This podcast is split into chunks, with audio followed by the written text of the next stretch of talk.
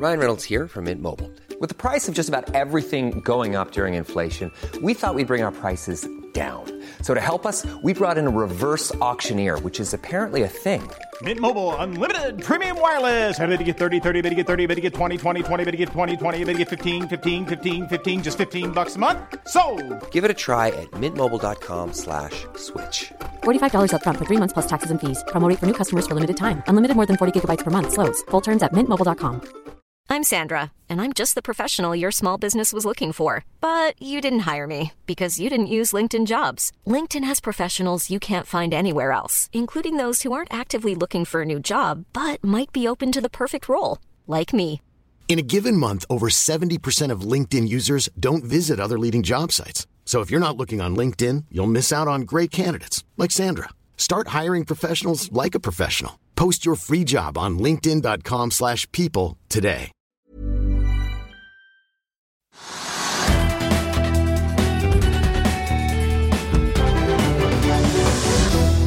En god fredag og velkommen til Økonominyhetene. Det er snart helg i denne korte første arbeidsuken av 2024. Veldig hyggelig at du er med oss på vei inn mot sluttspurten av uken. Kalenderen er kommet til 5. januar. Det er jobbfredag i USA, og vi er bare en time unna de ferske jobbtallene. Vi har fått inflasjonstall fra eurosonen som viste et hopp, om en ventet hopp fra 2,4 til 2,9% på KPI-en for desember, mens altså kjerneinflasjonen i eurosonen fortsatte videre nedover til 3,4. Vi har fått trafikktall fra Norwegian i dag, og det er også en ny ledelse annonsert i Stadtorsk etter fusjonen og avnoteringen fra børs som skal skje der. Og ikke minst, vi får besøk av den nye kongen av norsk industri, eller i hvert fall øverste ambassadør, får vi si, nemlig den nye sjefen i NHO-forbundet Norsk Industri, Harald Solberg, som vi jo selvfølgelig også skal snakke shipping og Rødehavet om, siden han jo fortsatt da er leder for Rederiforbundet i noen måneder til. La oss begynne med å titte litt på nøkkeltallene fra markedet. Siden vi skal snakke shipping, så tenkte jeg å dra opp shippingindeksen på Oslo Børs. Den var opp 3,3 i går, og selv om den er ned snaue prosenten i dag, så er vi fortsatt opp 6,5% bare siden nyttår. 23% de siste tre månedene, og nesten 70% de siste tolv månedene. Hovedindeksen er også i pluss for året, den, selv om vi er ned rundt 0,6 i dag til 1315 poeng. Så det blir ingen ny rekord, sånn som vi så i går.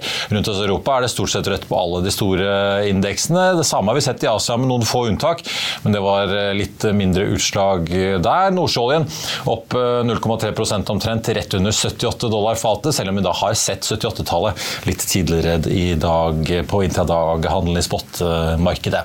SMP 500-indeksen har jo lagt bak seg fire dager med fall nå, Nasdaq fem dager.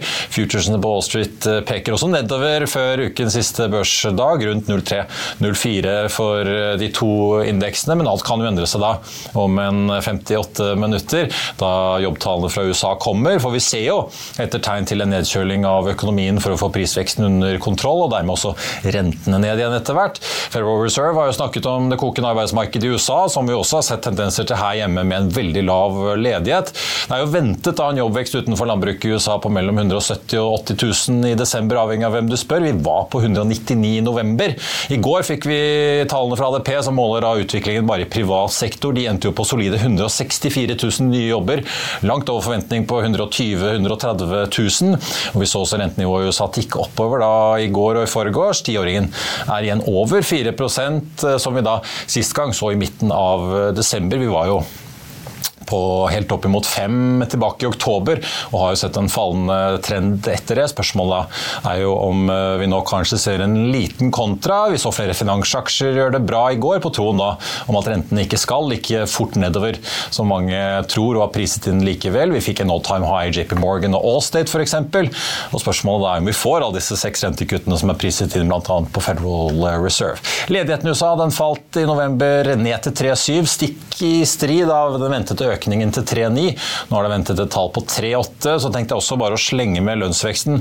ADP målte jo den da til 5,4% på årsbasis i desember for de som er i jobb, og 8% for de som bytter jobb i USA. Det er ventet at den gjennomsnittlige timeslønnen i non-farm-tallene vil ligge inne på 3,9. Og får vi da et tall under 4, så er det da første gangen under Eller første gangen da siden midten av 2021 får jeg ta med. Og da skal vi snakke shipping, en sektor som med noen unntak har hatt ganske gode tider det siste året. Men det er også mye dramatikk som preger verden og næringen. Mersk meldte i dag at de vil unngå Rødehavet i overskuelig fremtid. Og vi har jo sett gjentatte angrep på skipsfarten da fra den iranstøttede Houthi-militsen i det siste. Og Derfor får jeg si velkommen til oss, administrerende direktør i Rederiforbundet fortsatt, Harald Solberg. Takk for det. Og gratulerer med ny jobb. Skal vi ta den i jobben først? Ny sjef i Norsk Industri. Ja. Gratulerer. Takk for det. Hva fikk deg til å si ja til det jobbtilbudet?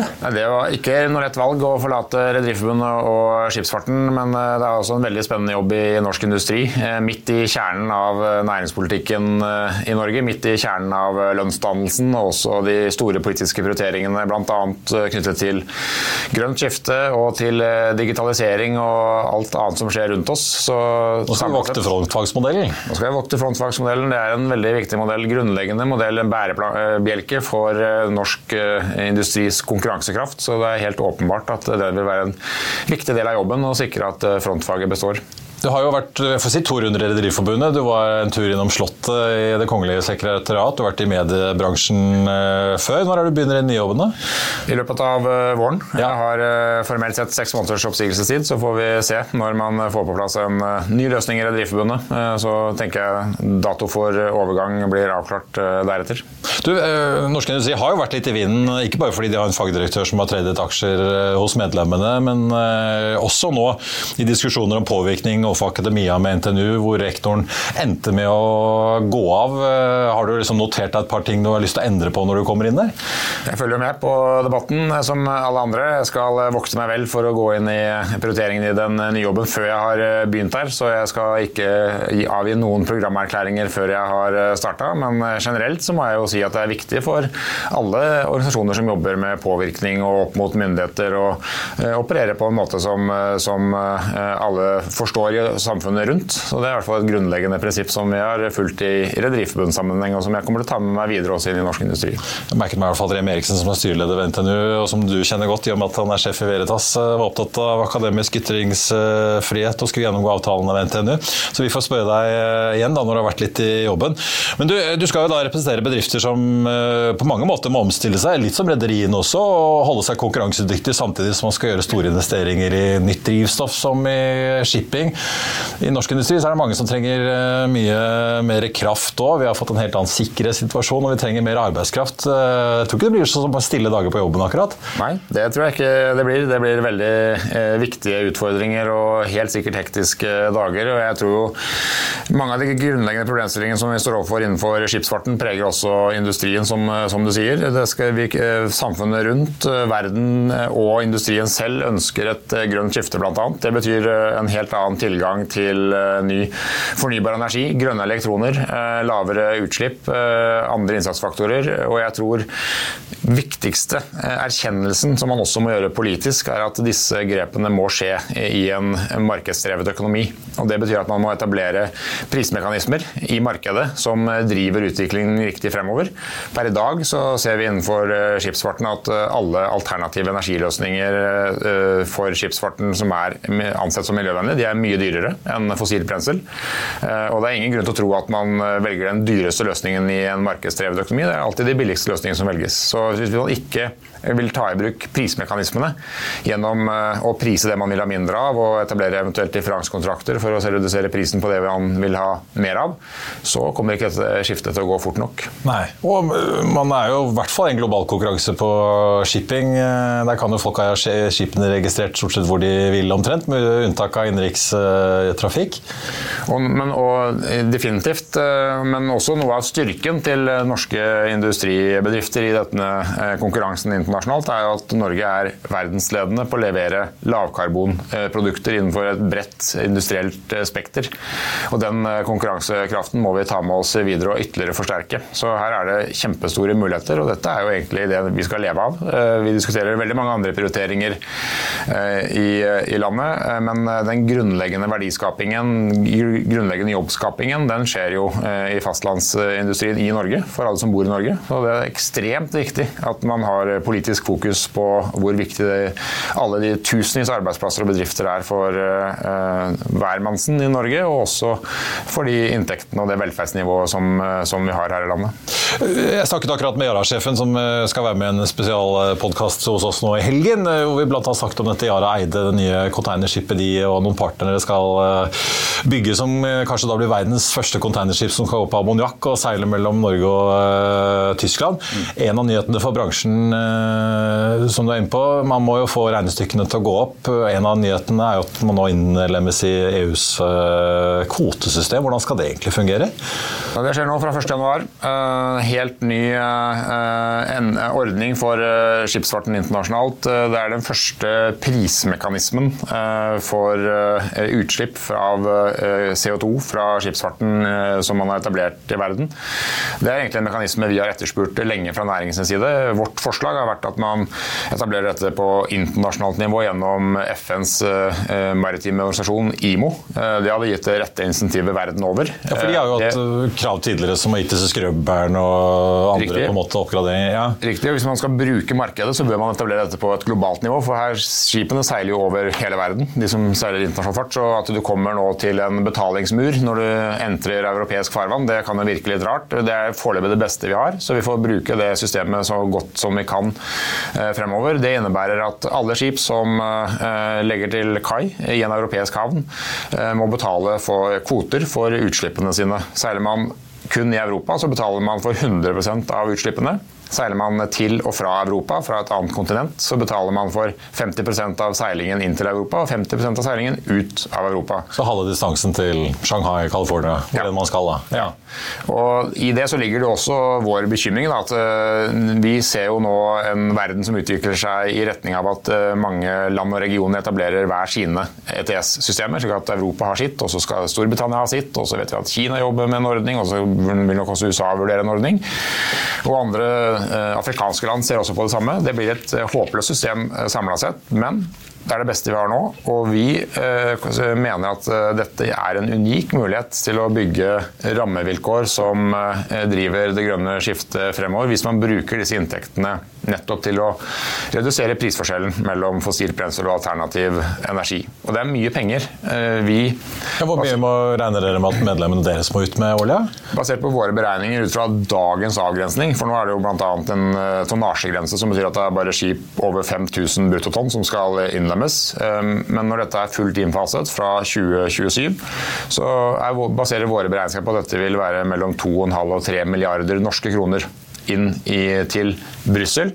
Disse pengene kommer tilbake igjen til Norge, siden vi er eh, del av EUs klimaarbeid, men ikke medlem av EU. Så kommer disse pengene tilbake til Norge uten noen øremerkingsforpliktelse. Men i EU i Brussel. De pengene som kommer tilbake til nasjonalstatene i EU, de har en forpliktelse til å bli brukt 100% til klimatiltak. I Norge kan vi bruke dem til sykehjemsplasser og alle andre gode ja, si, formål. Luftfarten eh, går jo og klager sin nød over at eh, flypassasjeravgiften f.eks.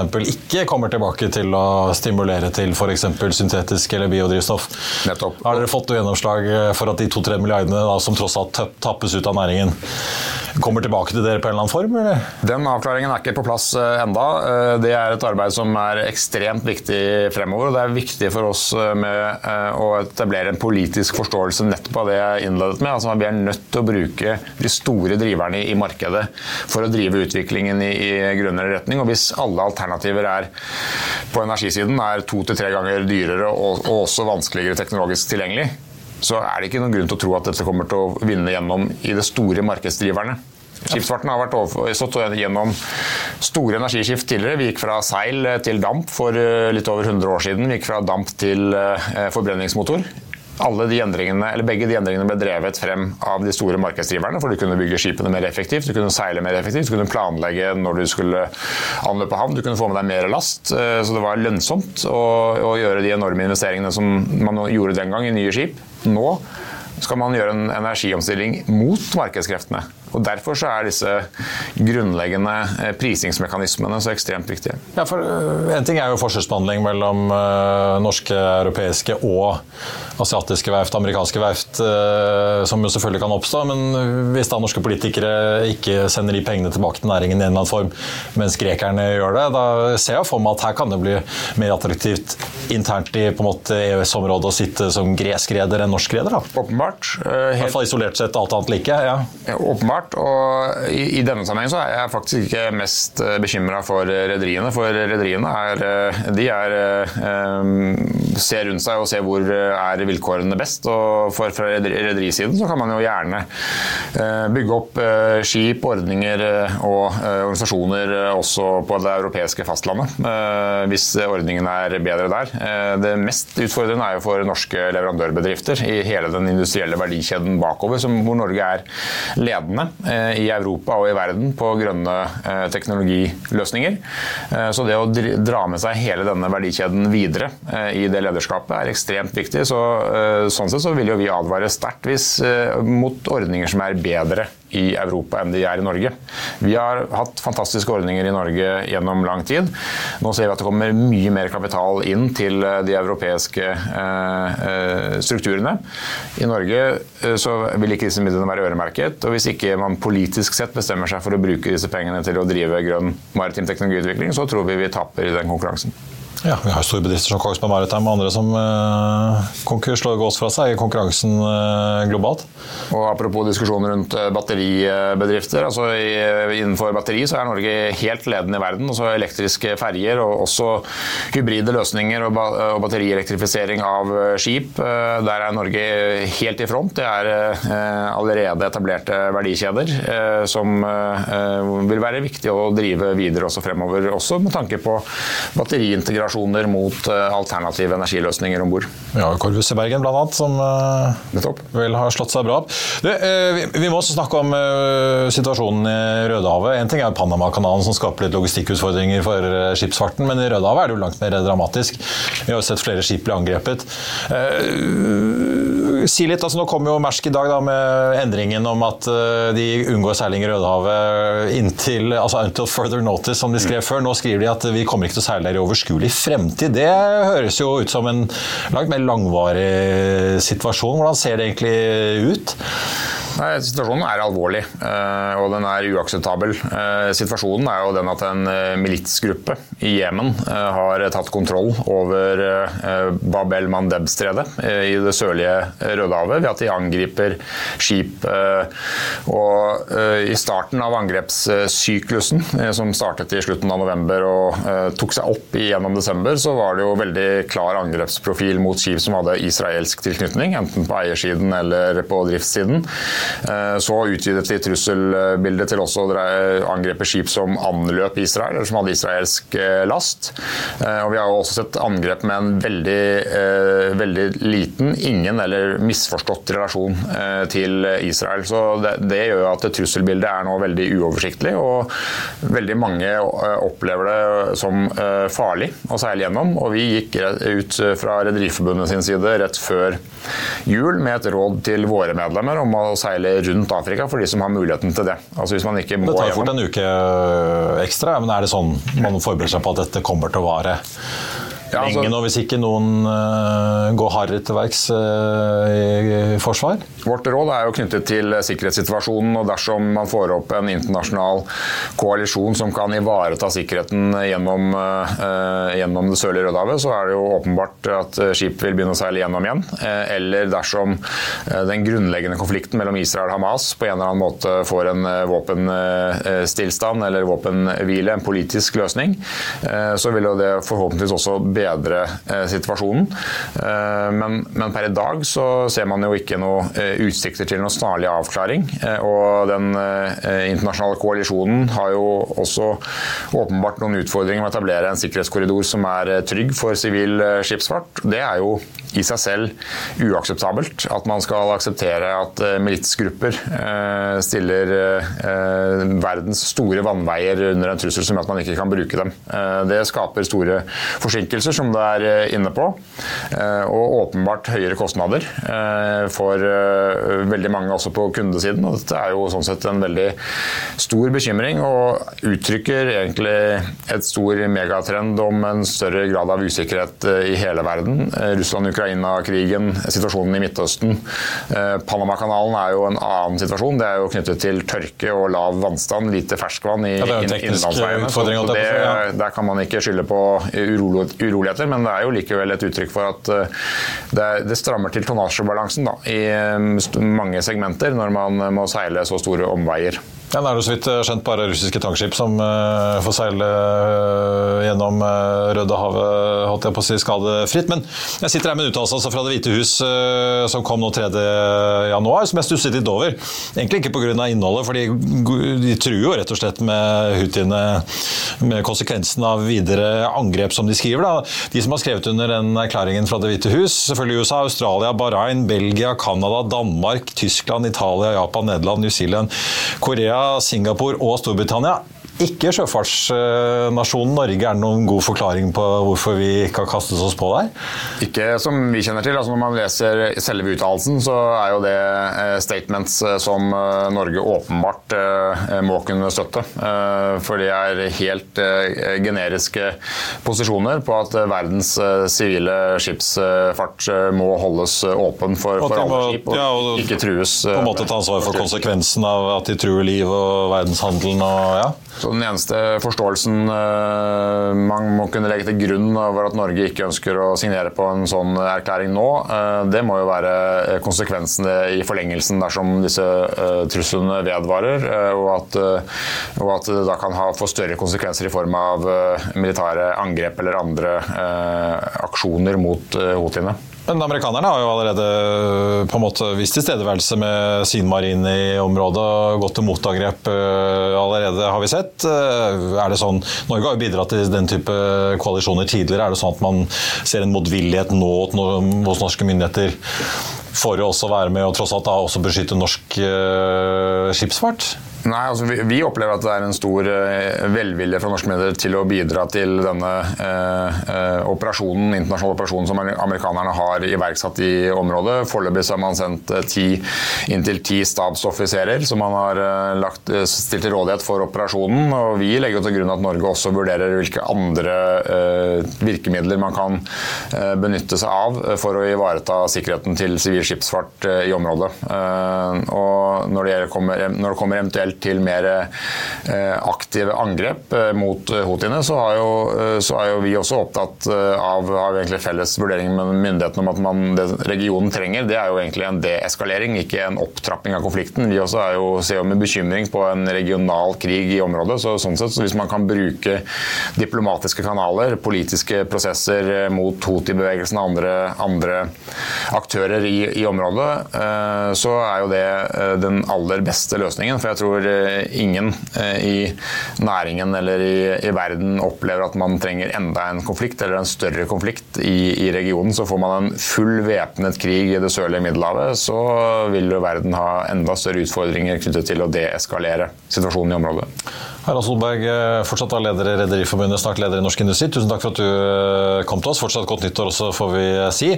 Vi skal snakke bil straks, men først tenkte jeg å vise litt utdrag fra Børsmorgen, der vi fikk med oss Okea-sjef Svein Jakob Liknes. Selskapet varslet jo i romjulen om at minst halvparten av den nye milliardinvesteringen for å komme seg inn på Statfjord-feltet til Equinor er tapt. Utbytte blir det heller ikke noe av i år, og vi måtte jo spørre om opprydningen på feltet nå tar oppmerksomheten vekk fra andre ting i forretningsplanene. forretningsplanen. Hvordan er evnen? Jeg antar dere bruker mye tid og fokus nå på å få Statfjord best, best mulig opp og gå sammen med Equinor. Hvordan er evnen og mulighetene og viljen til å gjøre flere dealer i år, da? Jo, vi har fremdeles en vekststrategi. Eh, og som vi alltid sier, at eh, gode prosjekter er det alltid mulig å finne finansiering til. Eh, nå har vi jo ett obligasjonslån i OKEA i dag. Vi hadde jo to for bare et par år siden, som da ble tilbakebetalt når vi hadde de konjunkturene som vi så da. Og nå sitter vi med ett. Og hvis det er gode transaksjoner og det er gode assets som, som vi ønsker og, i vår portefølje, så er jeg ganske sikker på at det finner vi løsninger på. Vil du bli oppdatert på det viktigste som har skjedd innen finans og næringsliv? Da er det bare å følge med, for hver morgen er jeg, Marius Lorentzen og aksjekommentator Karl Johan Malnes på plass i studio for å ta tempen på dagens marked i Børsmorgen. Og hver ettermiddag oppsummerer vi alt du trenger å vite i økonominyhetene, og det blir selvfølgelig masse interessante gjester. Klikk deg inn på fa.no-tv, eller søk opp Børsmorgen og Økonominyhetene der du hører på podkast.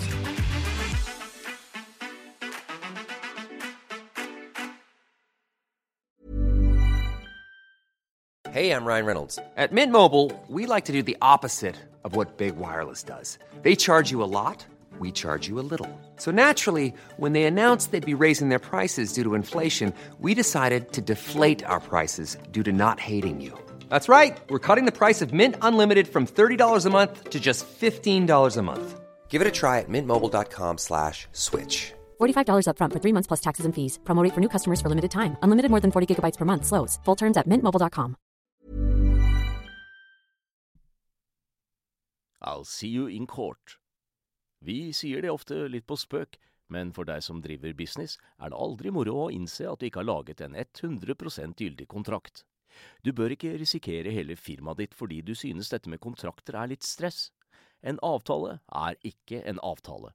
Du kan miste kunder, miste venner, ja, til og med miste inntekter om du ikke lager en skikkelig kontrakt, på alt mulig, egentlig. Men vi vet det er et styr. Kopimaskiner, tregprinter og haugevis av papir. Dessuten stoler vi jo på folk her i landet. Det er ofte litt kleint å skulle be om en signatur for alt mulig, ja, for mye av styret handler også om jakten på underskriften. Det finnes en enkel måte å løse dette på, Dukkobit, en trygg, effektiv og get this, gratis måte å sikre seg en god natts søvn pluss en juridisk bindende avtale. Dukkobit-appen har de strengeste sikkerhetskrav i bunn, samt en EU-godkjent og sertifisert teknologi. Framover vil det bli behagelig å spørre du, skal vi skrive under på det, eller? Kom i gang på dukkobit.no. Da eh, skal jeg si velkommen til Andreas Scheel. Godt nyttår og godt nytt bilår, får vi si. Selv om salget kanskje blir litt uh, surt i år. Vi endte vel på 100, nesten 27 000 nye biler i fjor. Med 50 000. Ja. ja. Men flere er ute og spår 100 i år. Ja, Både OFV og Møller. Vi får vente med å se på fasiten hvordan det ser an. Det ligger jo an mye rart når det gjelder bolig, bil, ja, mat, alt. Så strøm, ikke minst, og hva vi skal bruke penger på. Så... Det koster vel skjorta i ettermiddag, i hvert fall, med alle ja, minusgradene vi har ute. Seks, kroner. Så... Ja, det er bra vi har strømstøtten. Men uh, selv om bilsalget er litt uh, magert, så kommer det stadig nye utgaver av Eifa Motor. Og i helgen uh, så har dere bl.a. Uh, skrevet om ID7 i stasjonsvognsform fra Volkswagen? Ja, det er jo en av de mange nye elbilene som kommer nå som er stasjonsvogn. Nå har jo SUV-ene dominert i mange år, men nå kommer jo da ID7 som stasjonsvogn, og med firehjulstrekk, 60 mils rekkevidde til drøye 600.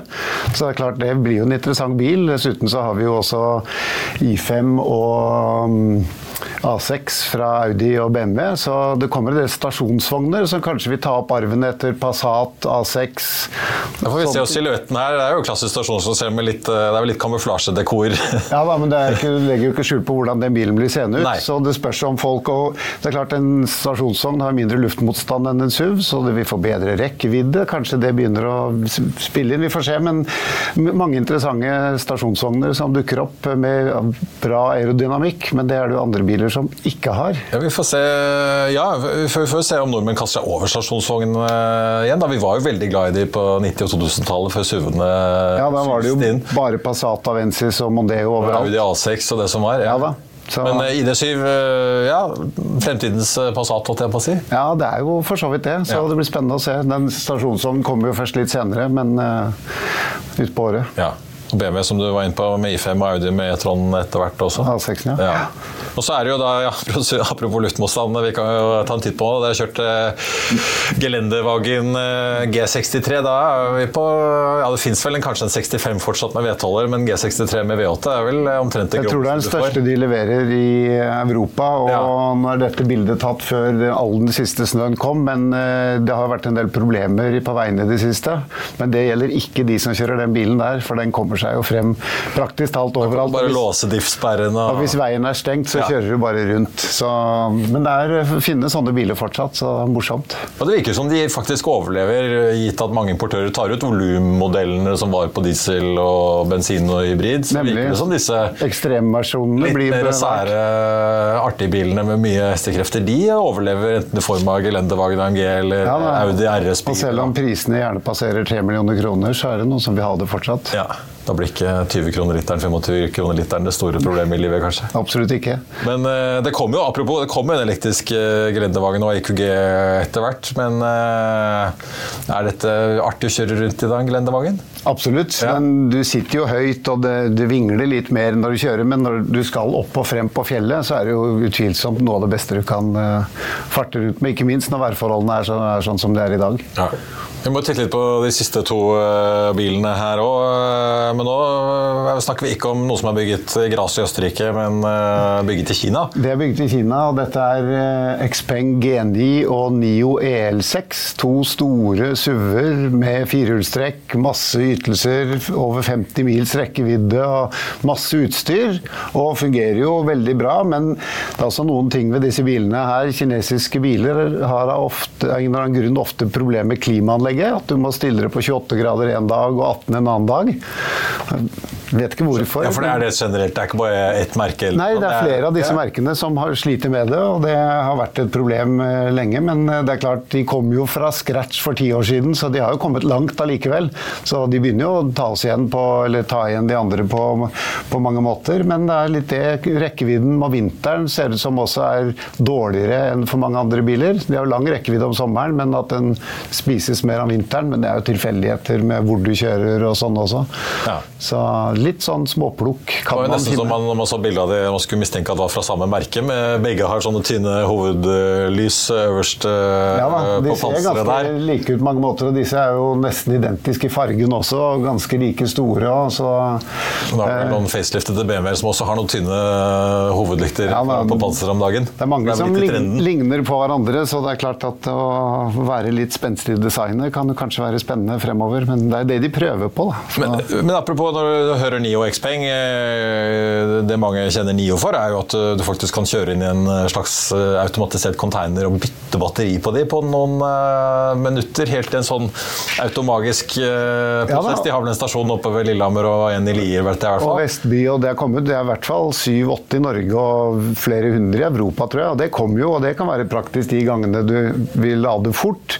Ja, for de er jo de eneste som har den løsningen. Tesla prøvde i noen år å kaste inn håndkleet etter hvert. Er det en fordel som man Det- som kunde og Det kan jo være det hvis du vil lade. Hvis du de få gangene du skal virkelig langt, ikke vil bruke 20 minutter på å lade, men bruke 4 minutter på å bytte batteri. Så, men ulempen er jo litt hvis du har en sånn batterileieavtale. Når du selger bilen, så må du selge batterileieavtalen også. Så han som overtar, eller hun som overtar bilen, må jo betale 1999 kroner måneden så lenge de er i bilen i leie, i tillegg til det de kjøper bilen fra. Så annonsverdien kan jo bli interessant Ja. på de bilene. Så Ja, fordi du kan faktisk kjøpe bilen uten batteri, og så leie batteriet. det er jo det de fleste gjør. Ja. Nesten alle gjør det. I stedet for, for du kan vel kjøpe hele Betaler 160 Ja. 000 kroner ekstra, så får du det store batteriet til odel men Da kan du ikke bytte. Nei. Da må du lade. Så det er noen options her man må tenke på før man kjøper disse bilene. Men en interessant eh, forretningsmodell. Men hvordan står disse her eh, to seg da mot Nå har vi jo sett koreanerne komme på banen med Kia EV9, som ja koster en million, men eh, likevel, de gir seg Disse koster jo mindre. Disse Ja. koster jo 650 000 og har veldig mye utstyr. er store biler.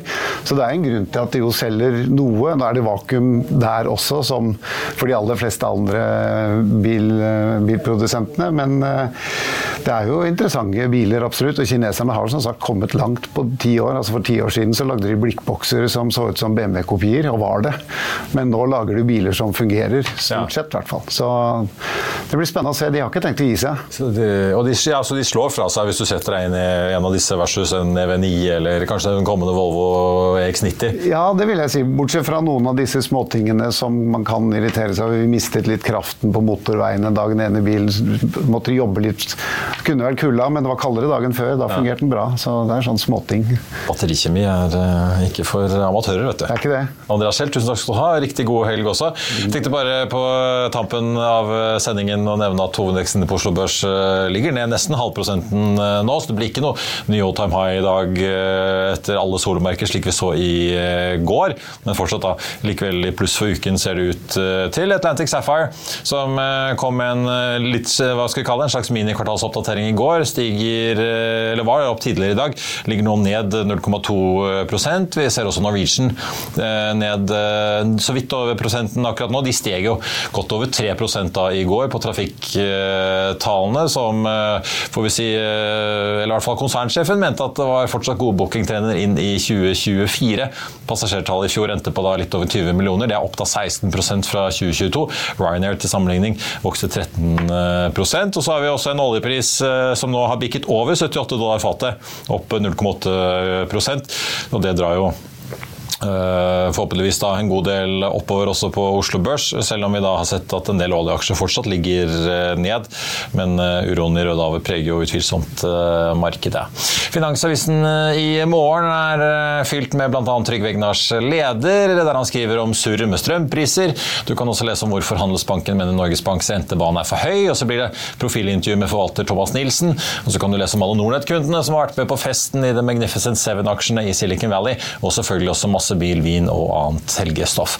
Det var det vi hadde for deg på denne fredagen. Tusen takk for at du så eller hørte på. Mitt navn er Marius Lorentzen, og vi er tilbake på mandag 08.55 med Børsmorgen. Da får vi med oss Nordnetts Bjørn Erik Sette. Med 14.30 så er Trygve Egnar på plass her med økonominyhetene. I helgen så kommer det også bl.a. en bonusepisode med Yara-sjef Svein Tore Holsæter, som advarer Europa mot å bli enda mer energi- og matavhengig av tvilsomme regimer. Har vi ikke lært noe, spør han, og den podkasten finner du i morgen tidlig i Økonominyheten-feeden i da Apple eller der du måtte høre på podkastene dine. I mellomtiden så ønsker alle vi her i Finansavisen deg en riktig god helg. Takk for nå.